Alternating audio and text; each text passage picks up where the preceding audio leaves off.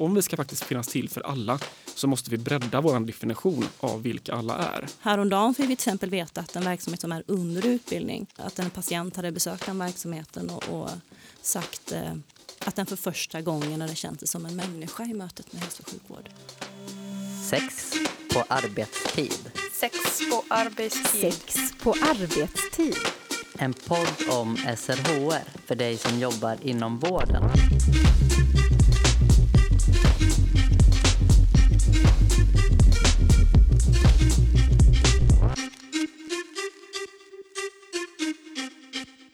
Hbtq-personer som grupp har generellt sett sämre psykisk och fysisk hälsa än övriga befolkningen.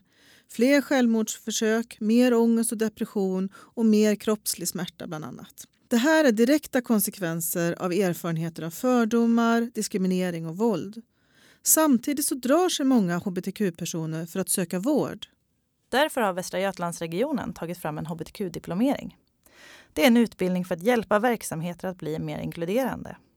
Och vad det innebär ska vi prata om i dagens podcast. Dagens program görs av mig, Anna Skoglund och Mig, Elin Klingvall. idag har vi med oss två av våra kollegor, Tommy Persson och Tanja Sharif. Hej! Hej! Varmt välkomna hit. Tack. Ni arbetar båda två som utvecklingsledare på Kunskapscentrum för sexuell hälsa. Och där arbetar ni bland annat med, som utbildare för hbtq-diplomeringen. Och då undrar ju vi, vad är diplomeringen för någonting? Ja, diplomeringen är en processutbildning i eh, eh normmedvetet eh, bemötande kan man säga. Eh, som verksamheter inom Västra Götalandsregionen har möjlighet att eh, göra.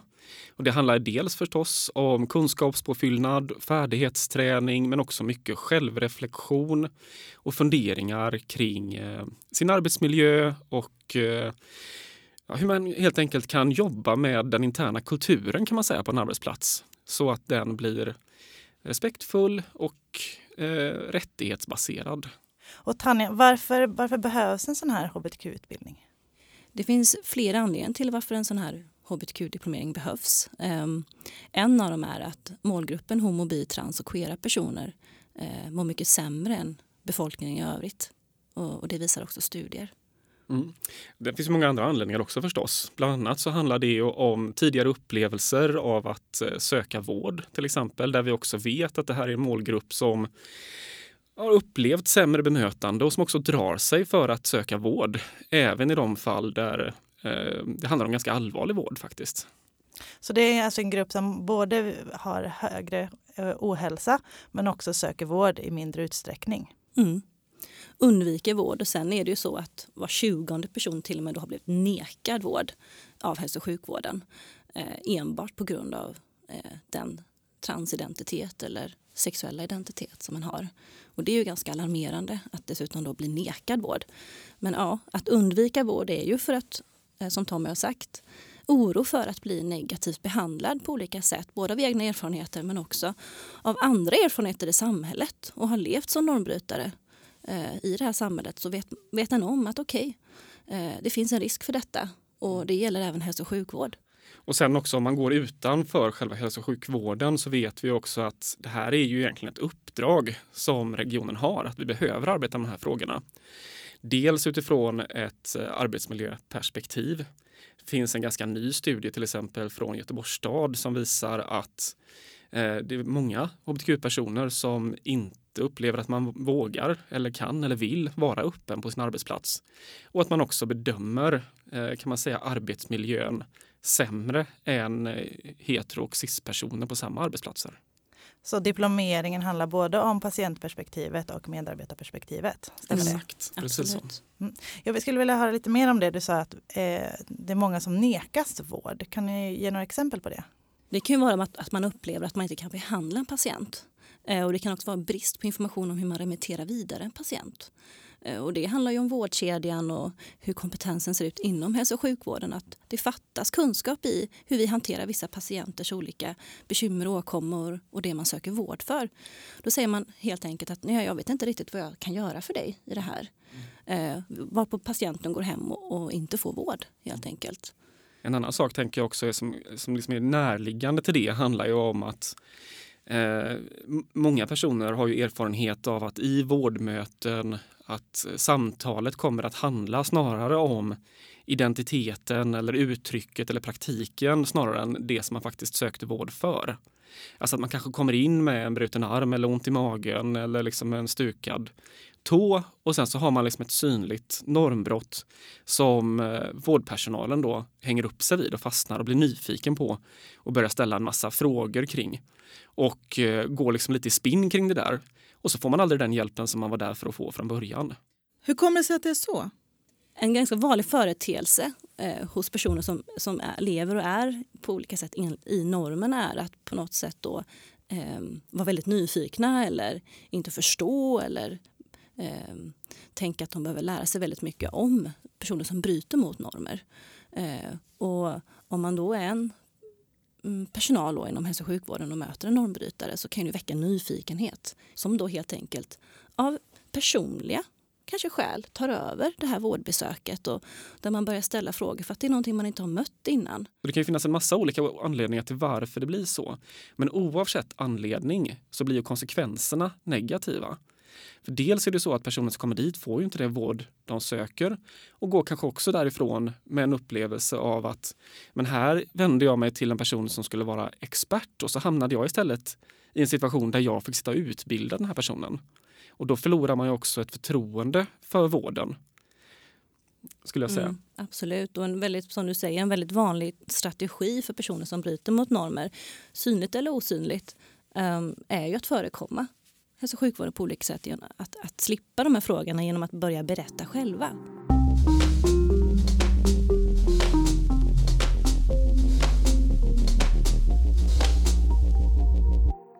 Hur ska vi förstå begreppet normer? Kan, kan ni förklara det lite? Vi brukar beskriva det som så att det är förgivettagna föreställningar om hur saker, individer, samhällen, grupper sociala situationer ska ske, hur saker ska vara, hur vi ska bete oss, vad vi ska säga, hur vi ska klä oss. Oskrivna regler. Ja men precis. Alltså mm. det, är, det, är, det är liksom en slags regler som skapar förväntningar på hur personer förväntas vara, tänka och agera för att upplevas vara normala i ett visst sammanhang. Vi brukar prata om det som vardagsnormer och socialt begränsande normer. Egentligen så är det precis samma mekanismer och samma system som skapar då till exempel eh, privilegier och sanktioner. Alltså när vi bryter mot en norm, till exempel hur vi förväntas bete oss när vi köar i affären eller när vi går på en buss. Så är det ju så att om vi bryter mot de förväntningarna, om vi går före i kön eller om vi sätter oss bredvid en ensam passagerare på en buss eller så, så kommer ju människor omkring oss att reagera eh, genom blickar eller suckar eller tillsägelser eller utfrysning eller till och med med våld. Eh, och på samma sätt samma provokation kan ju väckas när en person bryter mot normer kring kön och sexualitet. Mm. Alltså när man uttrycker en sexualitet eller ett kön på ett sätt som då inte är det förväntade så kan man då få en massa obehagliga reaktioner från omvärlden. Och väldigt många sociala normer, både som, som styr interaktion mellan oss människor eh, men också som på olika sätt fördelar privilegier, makt, resurser i samhället eh, är ganska osynliga vi ser inte dem förrän någon bryter mot de här normerna. Och en del av att jobba då normkritiskt och, en, och också en del av det som vi utbildar när vi hbtq-diplomerar är ju att börja se de här normerna som begränsar. För när vi väl gör det så, har vi kanske, så kanske vi kommer på att oj då, vi har fokuserat väldigt mycket på det normbrytande beteendet. Alltså vi, om man googlar heterosexualitet så kommer du ändå få upp studier om homosexualitet. Och det är väldigt tydligt att vi har ett sånt avvikarfokus i vårt samhälle. Vi, vi ska lära oss och förkovra oss i alla de grupper som bryter mot normer snarare än att titta på oss själva. För problemet ligger ju inte hos personer som bryter mot normer. Problemet ligger ju i våra normer som begränsar och utesluter människor. Så en av de absolut största poängerna med, gå, med att utbilda sig i de här frågorna tänker vi är ju att börja titta på sig själv och sina normer. Eh, man brukar prata om att när man bryter mot normer så, så skapas någon form av hypersynlighet. Alltså den personen då blir väldigt synlig i rummet helt plötsligt. Men vad den också gör, normbrytaren, är att den synliggör normen. För allt annat, förutom det normbrytande beteendet och den personen då, eller dem, eller det beteendet eller den klädseln eh, är ju egentligen då i linje med normen. Eller de normer som, som finns just där. Um, och när vi inser det så tror jag väldigt många i alla fall får en, en känsla av att oj, herregud, hur har jag agerat? Vad har jag sagt? Och hur har vi, vad har vi för organisationskultur? Och hur, vad har vi för fikarumsdiskussioner? Och, um, och det är väl det vi hoppas att det också leder till många gånger, att man börjar också ifrågasätta de normerna. Vi brukar säga, säga det här liksom att hur vi pratar med varandra i fikarummet kommer att läcka även i patientmöten. Alltså om vi har ett förhållningssätt till identiteter och till eh, ska vi säga, samliv och, och, och, och praktiker och så när vi pratar med varandra informellt så kommer det att synas i hur vi reagerar och hur vi tar emot den typen av information när vi sen sitter i ett patientmöte också. Eh, men hbtq-diplomeringen handlar ju om normer kring kön och sexualitet. Det finns ju många andra normer som påverkar oss. Normer kring hudfärg, etnicitet, funktion till exempel. Mm. Varför ska hälso och sjukvården fokusera särskilt på just de här normerna? Alltså det, dels handlar det om det som vi redan har sagt tidigare, att det finns särskild anledning för hälso och sjukvården att titta på de här grupperna utifrån dels då den ökade ohälsan och dels eh, tidigare erfarenheter av att söka vård som gör, leder till en mindre benägenhet att söka vård. Men, men jag tycker inte att det är så att hälso och sjukvården har mer anledning egentligen att titta på hbtqi-personer än andra personer som bryter mot normen. Alltså vi måste kunna hålla två tankar i huvudet samtidigt och förstå att ja, de här andra grupperna behöver vi också finnas till för och behöver också anpassa oss för att kunna ge bästa tänkbara hälsa och vård och omsorg till eh, alla de här grupperna. Men det som vi jobbar med är just hbtq-frågorna, men det betyder inte att de är viktigare än, än de andra, utan att de hellre i sådana fall ska integreras i ett tänkande om att om vi ska faktiskt finnas till för alla så måste vi bredda vår definition av vilka alla är. Och jag skulle också säga att det går inte att jobba med, med normer kring kön och sexualitet utan att inkludera andra perspektiv och andra maktstrukturer eller att se att det finns andra normer. För att en homo, bi, trans och queer person är inte nödvändigtvis normföljare i alla andra hänseenden. eller hur? Målgruppen kan bryta mot en mängd olika normer men kan också ha privilegier i andra normer. och så där. Så att ett form av intersektionellt perspektiv eh, tänker vi är viktigt. Eh, vilket också innebär att se hur olika normer och maktstrukturer påverkar och sammanvävs. Det är också någonting som vi också försöker föra in i utbildningen. Eh, vad, vad, får det här liksom för prakt eller hur kan man praktiskt tillämpa de här perspektiven eh, inom hälso och sjukvården? Men vi kan säga en fråga vi fick under en utbildning en gång var eh, hur gör vi då med alla, med, all, med till exempel när det kommer en muslimsk kvinna som har slöja och ska jag fråga henne då vilket pronomen hon föredrar? Eh, och var orolig att det skulle bli kränkande till exempel att ställa en sån fråga. Det är till exempel en sån undran som kan komma under utbildningsprocesserna. Då tänker jag, det här, här säger den här frågan ganska mycket. Den säger för det första att om man är då muslimsk kvinna med slöja, då per, per definition så, så har man tänkt att eh, det är en kvinna. För, för kvinnor, för det, är en, det är en kvinnokodad eh, huvudbonad. Och det är en religiös huvudbonad vilket också kommer med en mängd olika föreställningar om kön. Det finns ett förgivettagande kring att den här personen då är normföljare i de här hänseendena och inte alls berörs av den här frågan. Vilket vi ju vet att så inte är fallet. Och här ställer man alltså grupper egentligen inte emot varandra men man tänker att det är inte samma sak. Här har man en bild av en som är hbtq-person och den kan inte ha en slöja på sig till exempel. Och, och här är ett intersektionellt perspektiv av största vikt där man ser att eh, personer kan bryta mot flera normer och såklart bryta mot kön och sexualitet men också då ha, inneha en mängd olika religioner eller huvudbonader och sådär. Att vi är komplexa individer. Eh, så bilden av vem som är homo, bi, trans eller queer behöver också demonteras lite och ifrågasättas. Eh, pronomen, men vad betyder det egentligen? Hur ska jag förstå det? Pronomen handlar ju, i alla fall i det här sammanhanget, om hur vi eh, pratar om en person när den inte är närvarande. Eh, alltså använder vi han eller hon eller hen eller den för att beskriva personen. Eh, och då kan det kanske kännas lite märkligt att säga varför ska jag efterfråga pronomen när personen oftast är i rummet? Och det har ju att göra med att väldigt många gånger så behöver vi faktiskt prata om de personerna vi möter. Antingen kan det handla om till exempel i eh, överlämning av patienter eller i teamsamtal eller när vi för journal och skriver ner det som patienten beskriver. Eh, och idag framförallt så tänker jag att när journalsystemen är så lättillgängliga och, och, och, personer själva går in och läser och ser liksom vad, vad står det om mig, vad har det skrivits om mig? Då är det ju superviktigt att det antingen är liksom helt neutralt eller att det är eh, rätt, att det står rätt pronomen och att jag kan känna igen mig i det som eh, står. Ja, vi brukar säga det att, att använda ett könsneutralt språk, det gör vi tills dess att vi har fått reda på det rätta pronomenet som den personen föredrar. Eh, så att det är inte så att en alltid i alla givna till, eh, sammanhang ska använda hen och den om alla patienter utan har vi fått reda på rätt pronomen så använder vi vidare det. Det här att som vårdpersonal ha en önskan om att göra rätt och riktigt, att inte kränka någon. Kan det ibland vara försvårande omständigheter eller, eller gör det att människor blir rädda? Alltså en kommentar som vi får i, på i princip varenda utbildning är ju eh, att det finns personer som säger men jag behandlar alla lika. Vad betyder det då? Ja, alltså jag tror ju att eh, man då tänker att det här ofta är någonting som man kanske fått lära sig under sin utbildning. Det vill säga att man ska vara saklig och objektiv och eh, så tillgänglig som möjligt utifrån någon slags breda riktlinjer. Men problemet med den typen av ingång är ju att man då ofta gör sig själv till mall för vad ett gott bemötande och omhändertagande är. Det vill säga att man tänker att jag bemöter personer på det sättet som jag skulle vilja bli bemött.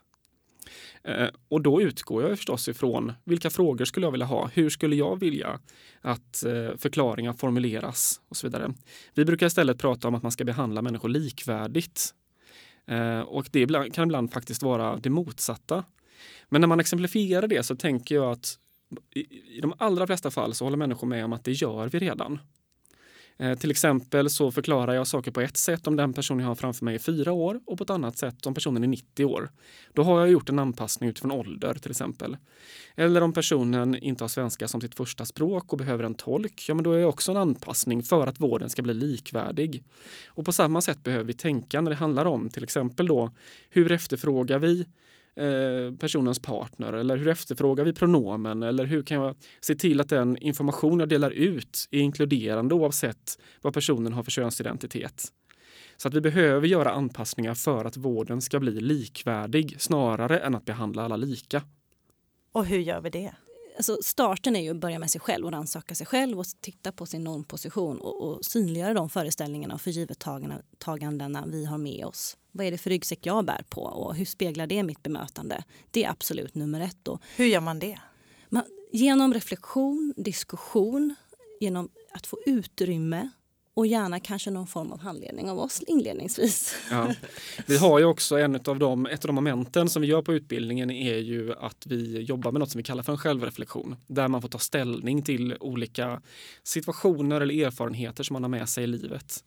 För det händer ju också någonting att när man börjar reflektera över sig själv och sina egna förgivettaganden så får man också syn på vad man själv riskerar att reproducera i möte med andra personer.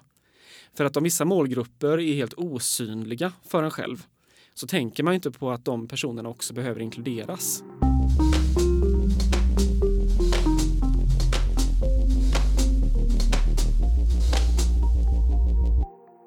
Verksamheter som, som påbörjar en diplomering, vad har de för, hur kommer det sig att de gör det?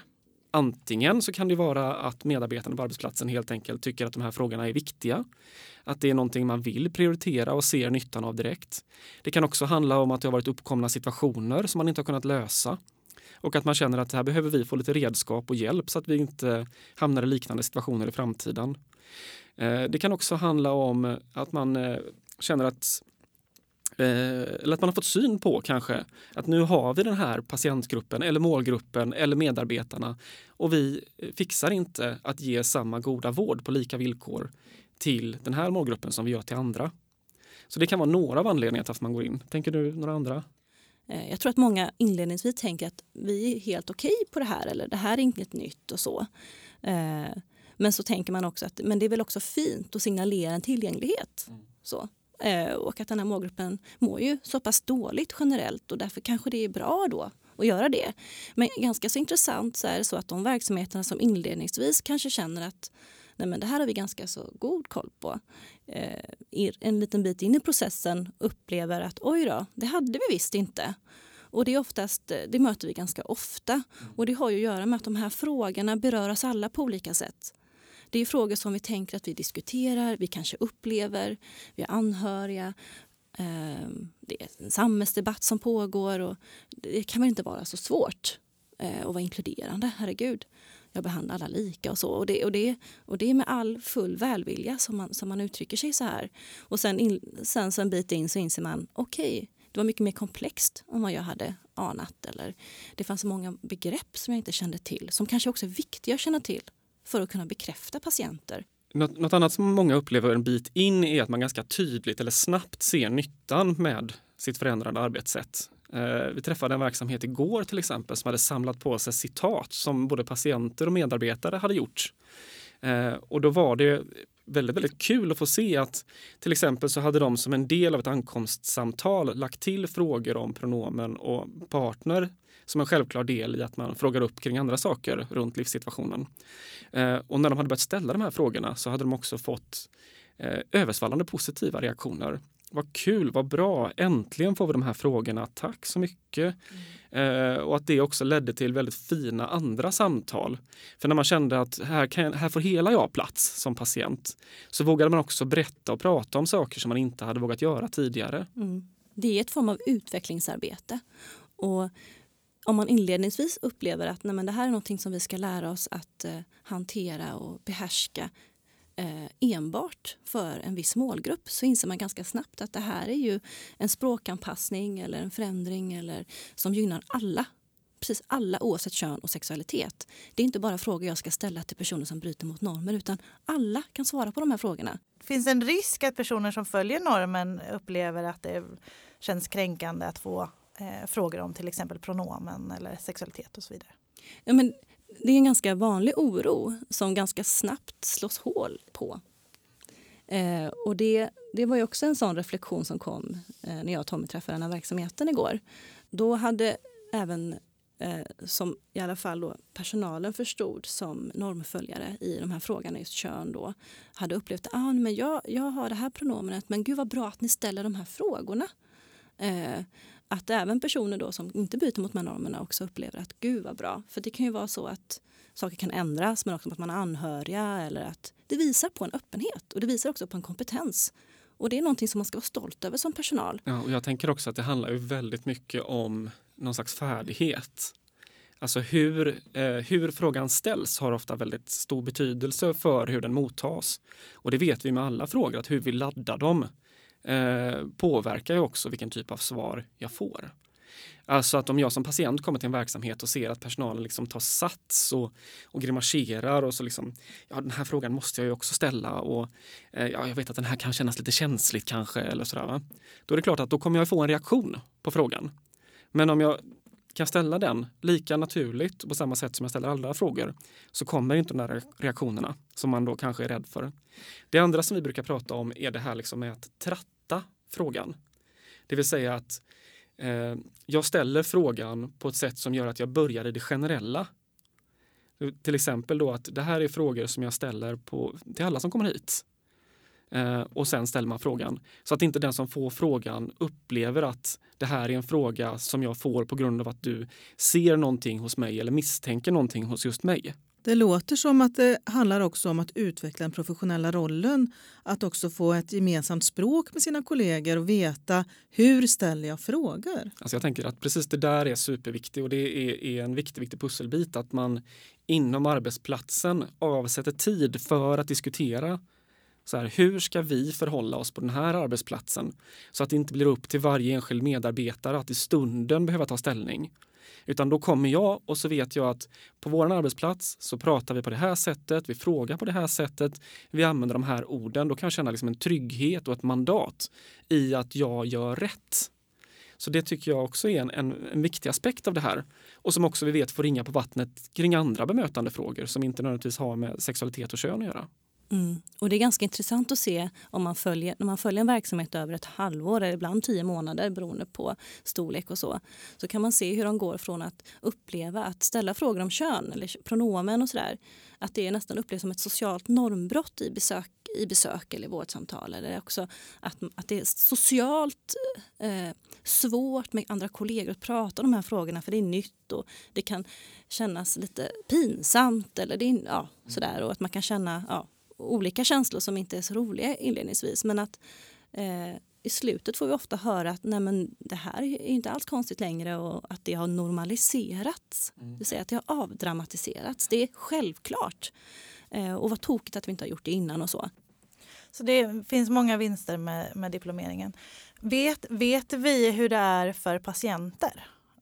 Vi vet inte tillräckligt. Vi skulle nog vilja veta mycket mer. Eh, det är ju att lä- det är egentligen då att mäta effekterna av till exempel en utbildningsinsats. Så det, är- det är ganska svårt att göra. Det är inte ovanligt att verksamheter själva vill eh, veta hur patienter upplever deras bemötande och då tar fram till exempel en patientenkät enbart för de här frågorna och, och ställer de frågorna eller att patienten anonymt då får fylla i en sån enkät och då får de veta eh, lite mer. Men, men vi får ju lite så signaler till oss på lite olika håll. Häromdagen fick vi till exempel veta att en verksamhet som är under utbildning Eh, att, att en patient hade besökt den verksamheten och, och sagt eh, att den för första gången hade känt sig som en människa i mötet med hälso och sjukvård. Och det är ju jättefint, samtidigt som det är också sorgligt, eller hur? Att det är först nu den har känt sig som en människa. Så att, ja. Och det var då den fick en fråga om pronomen vid ett, vad jag förstod, ett ankomstsamtal. Och då kan man tycka att vi har uppehållit oss ganska mycket vid frågor om pronomen, som ni kanske märker, eller kön och hur vi ska ställa just den här frågan. Eh, Och det är oftast så att vi märker att det är oftast det som också är väldigt svårt. Är också det som omgärdas av mycket känslor och så. Kan man tänka också att hälso och sjukvården har olika system som försvårar, exempelvis journalsystem som per automatik könar eh, personer som kommer in och blir patienter i hälso och sjukvården? Ja, men så är det ju förstås. Att det är ju också någonting som oftast kommer upp som en diskussion eh, under diplomeringen. Eh, och där tänker jag att det finns jättemycket fina exempel på hur olika verksamheter har hittat kreativa lösningar. Vad kan det vara då? Ja, men dels kan det handla om till exempel att hur ropar jag upp en person i väntrummet? Att det kanske inte är så att jag utgår ifrån eh, det namn, måste utgå från det namnet som står i eh, journalen. Är det på en mindre mottagning där det är mycket återbesök så kanske jag kan ropa upp mitt eget namn och säga vem är det som ska träffa Anna Skoglund till exempel och så vet patienten det. Eh, är det ett eh, större system så kanske det handlar om att vi ska ha ett nummerlappssystem snarare än att jag ska gå ut och ropa upp namnen. Eh, I de allra flesta journalsystem så finns det också möjlighet att fylla i information. Det vill säga att när patienter har kommit in och berättat att det står fel namn i journalsystemet. Detta är det namnet som jag använder som mitt tilltalsnamn. Eller, eh, det är viktig information om mig också att detta är mitt pronomen till exempel. Då finns det möjlighet att fylla i det så att alla all vårdpersonal som träffar patienten senare kan se den här informationen direkt och därför minska risken att göra fel i framtiden. Bra, så det låter som att när verksamheter eh, får tid, tar sig tid så hittar man också lösningar som är tillräckligt bra utifrån de system som finns. Ja, och sen är vissa verksamheter bundna till vissa blanketter till exempel eller formulär där, man, där man behöver ange om man är eh, kvinna eller man. Och, och där har, har de också kunnat kompensera. Alltså man behöver ha kompensatoriska åtgärder genom att till exempel muntligt säga att vi vet att den här blanketten eller det här formuläret inte är särskilt inkluderande. Men vi, vi, kan, vi kan lägga till här, vi kan skriva det vid sidan av eller eh, vi kan prata om det. Eller, och det kan göra en jättestor skillnad för en patient som då inte kan fylla i en blankett utifrån man och kvinna. Att bara få höra att, de är med, att nu är de i alla fall medvetna om detta och, och så. Och då blir man ju synliggjord. Det finns ju många olika sätt att eh, ge ett bra bemötande och ni har gett flera exempel på det. Men hur gör man om, om, om, det, om man märker att det här blev inte bra? Nu, nu trampar jag i klaveret. Jag tänker att när, när vi gör någonting som inte känns bra, om vi, om vi säger någonting som är klumpigt eller rent av kränkande ibland utan att tänka oss för, då tänker jag spontant att de flesta vill be om ursäkt då. Att, att det är också någonting som hälso och sjukvården kan göra. Att om man råkar säga någonting eh, där man till exempel antar eh, någons könsidentitet eller gör, tar, no- gör några förgivettaganden om, om patienten, att, eh, att be om ursäkt.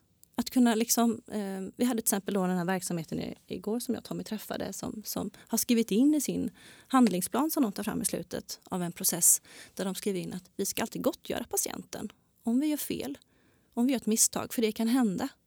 Eh, då ska patienten få veta att vi har gjort fel och så ber vi om ursäkt och så försöker vi lära oss av det och, inte göra det igen till exempel. Eh, men det är väldigt sällan en patient får en ursäkt om man har gjort något fel. Och det kan vara så att man upptäcker att man gjort fel lite senare. Man kanske bollar med en kollega och så berättar man vad man sa och så blir patienten lite märklig, börjar bli tyst och sen så avslutar vi mötet och det, det kändes inte helt bra i magen. Och då kan man ju alltid ta kontakt med den patienten efteråt tänker jag till exempel och så. Ja, du, du säger ju här Tanja att eh, impulsen är att be om ursäkt man gör fel och jag är inte så säker på att det alltid är det.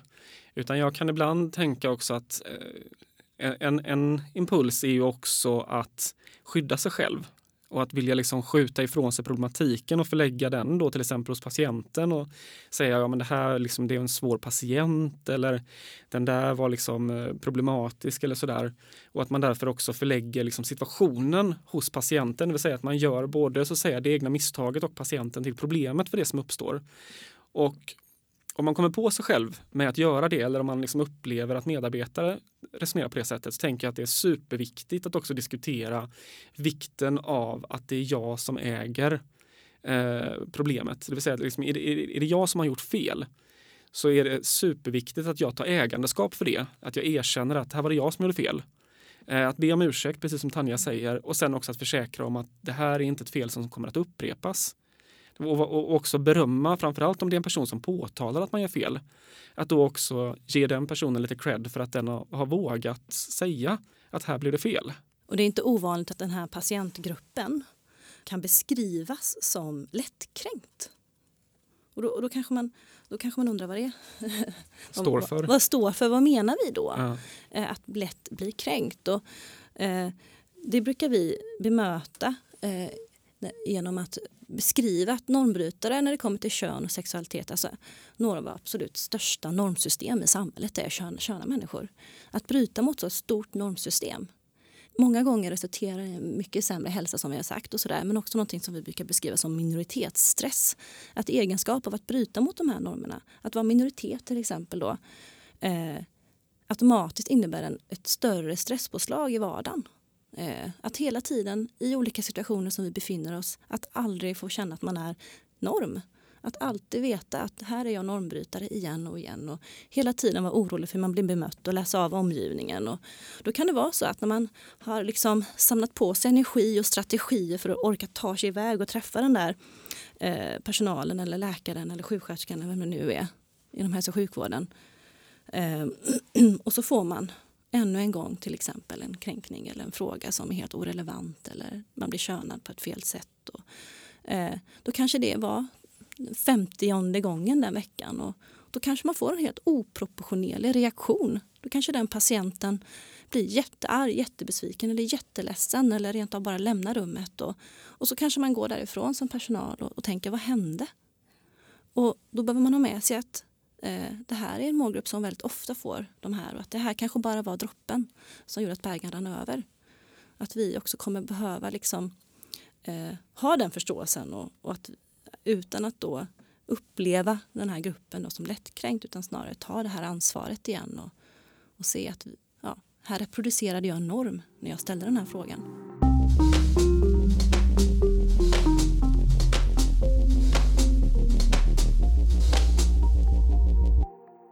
Så, nu har vi lärt oss massor om hbtq-diplomeringen. Men vi brukar avsluta våra program med att våra gäster får ge tre tips till våra lyssnare. Mm. Så vi är väldigt nyfikna på att höra vad har ni med er idag, Tanja och Tommy? Första tipset, alltså tips nummer ett, är använd inte dina patienter som dina lärare. Det vill säga, låt inte eh, din nyfikenhet ta över när du eh, får veta saker om patienten du har i rummet. Eh, behöver du söka upp eh, kunskap så finns det massa kunskap att tillgå. Det finns intresseorganisationer som arbetar med det här. Det finns superbra böcker skrivna. Det finns jättemycket information på nätet. Och man kan också höra av sig till oss på Kunskapscentrum sexuell hälsa för att få veta mer. Men som sagt, använd inte era patienter som era privata utbildare. Och tips nummer två handlar om att använda ett könsneutralt språk. Alltså redan ganska snart kan vi börja prova att använda olika könsneutrala ord såsom hen, den, alltså pronomen, eh, partner istället för flickvän och pojkvän eller fru, man, eh, barn istället för son, dotter. Att börja prova använda, byta ut ord i väldigt vanligt formulerade meningar. Det kan vara runt fikabordet, det kan vara även i, möten med patienter. Att redan börja, man kan sitta med en kollega och bara prova ta olika ord i mun. För det handlar ju om att bara uttala, säga och känna att det blir en vana. Liksom. Mm. Så det kan man börja, börja med när som helst. Och då slipper vi också göra antaganden som kan leda till potentiellt pinsamma situationer. Mm. Så att om man inte tänker att man vill göra det för patientens skull så kan man också göra det för sin egen skull. Mm. Man kan börja med att till exempel prata om sin helg. Vad har jag gjort i helgen och prova beskriva den helt könsneutralt och se vad som händer då. Beskriver jag saker annorlunda eller förstås det annorlunda? Eller upplever man att det saknas information och varför? Och sen har vi då det sista tipset. Tips nummer tre är gå in och kolla på det materialet som, som vi har tagit fram. Till exempel gå in på srhr.se normino och prova att göra den webbutbildning som alla diplomerade verksamheter går igenom innan man startar upp utbildningen. Eh, där får ni också en hel del information om olika begrepp och man får lite historik och man får också fundera över förhållningssätt och olika patientsituationer. Så det är vårt sista tips. Och det var allt för oss eh, på Sex på arbetstid. Tack för idag. Ja, tack. tack. tack.